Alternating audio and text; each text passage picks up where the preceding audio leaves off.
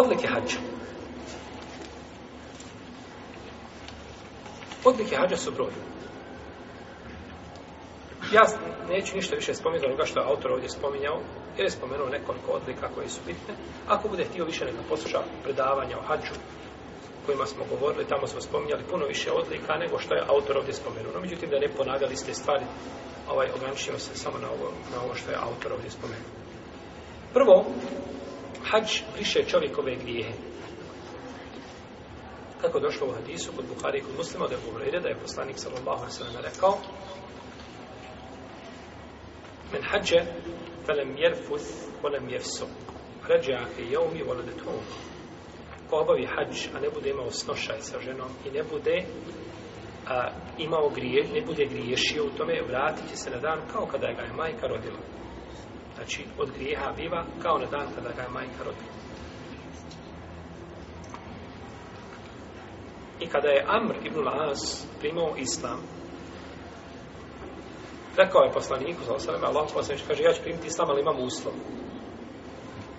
Ulema kada je govorila o ovome, o ovome šartu koga je postavio a, Amr ibn Laz, kažu da je to neispravno islam. Kad ulaziš u islam, ne možeš uslovljavati. Nema nikakvih uslovljavanja. Ulaziš u islam bez uslovljavanja.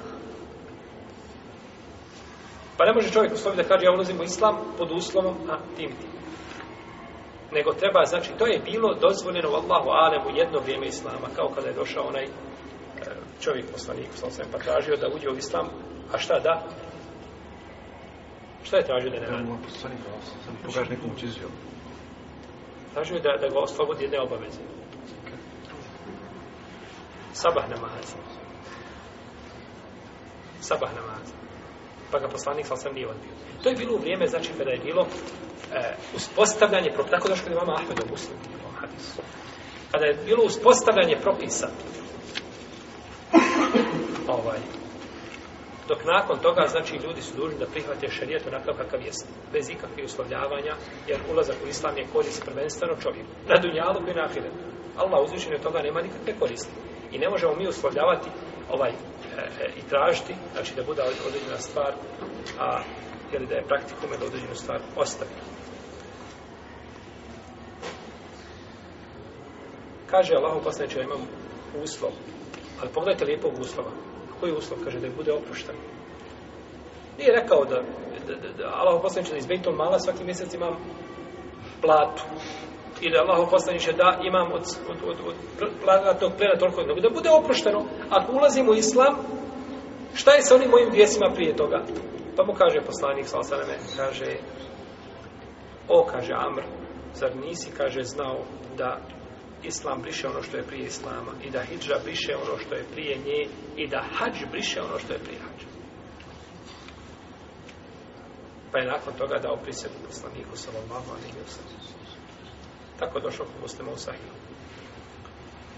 Hadž, da naredna odlika, hadž je oslobođenje od vatre. Došao u hadisu Ajše, koga isto bileži muslim, da je poslanik sa osvrame rekao, nema nijednog dana u kome Allah tabarak je od tala više ljudi oslobodi vatre džehennemske. Od kog dana? Od dana Arefata. Od dana Arefata. Čak se ponosi pred melekima ponosi se, znači, svojim stvarima koji su došli. Došli su mi šua, šua, fen gubra. Došli su mi uprašeni, raščupani. Gub, šua, fen je raščupan čovjek, ne počešlja. Iz daleka kad dolazi, ne može biti uređen. Nego je prašina na njemu, jel?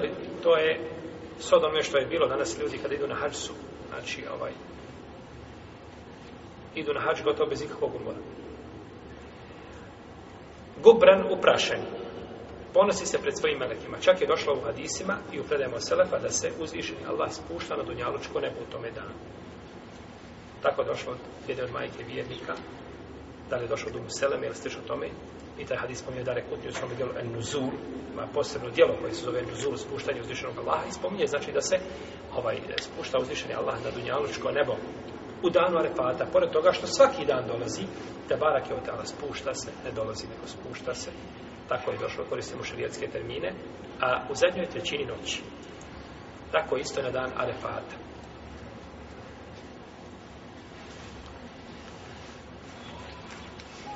Dalje, nagrada za hađi je džennet. Nagrada za hađi je džennet. Kako je došlo u hadisu kod Buhari i kod muslima da govorili da je poslanik sa osvrame rekao da na umratu ili na umrati kefaratu nima bejne huma wal hađul mebruru lejl se lehu džezaun illa džennet.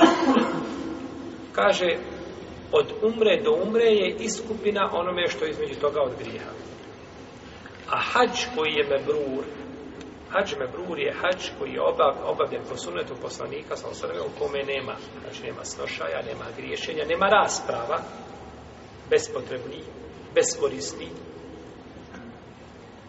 u kome nema bidata, novotarija, bilo koje vrste, nego se znači sunnati praktikuju svi kakvi, to je hađ mebrur.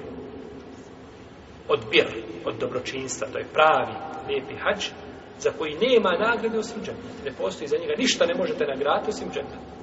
Tako je rekao Rasulullah sallallahu alaihi wa Dalje, hađ je najbolje djelo. Kako je došlo u hadisu? Ebu Horeire, koga bilježe Buhari i Muslim, da je poslanik sa osanem upitan o najboljem dijelu, pa je rekao, el imanu billahi wa rasuli, vjerovanju Allaha i poslanika, to je jeli uvjet za ispravnost bilo kog dijela. Potom je upitan koje kaže džihadu fi sebilillah, borba na Allahom putu, džihad. Kaže potom koje Allah poslanič kaže hađun mebun, hađun. No, međutim, hač je bolji od džihada. Kome? Žena. Bolji je žena. Kako došlo od Isu Ajše? Da je kazala, Allaho posljednje vidimo da je džihad najbolje djelo. Vidimo vrijednost šehida, vidimo, znači, a, a, ashabe na tome putu kako se žrtvuju. Pa zar nećemo se, kaže, mi boriti? Pa su žene u vrijeme poslanika, znači, bila bolje od muškaraca u današnje vrijeme kaže nećete lekunne aftalul džihad hađul mabrur kaže vama je najbolji džihad da se borite na ovom putu jedno je se predaj kaže a, a, lekunne džihadun la qitale fihi al hađu al umra tako je došlo u predaj jednoj koju šeha Albani od Trvibu od Trvibu ocenjuje da je, da je vjerodostojna kaže vi imate a, džihad u kome nema borbe To je džihad. Zaista hađ je, znači, napor. Ali nema u njemu borbe.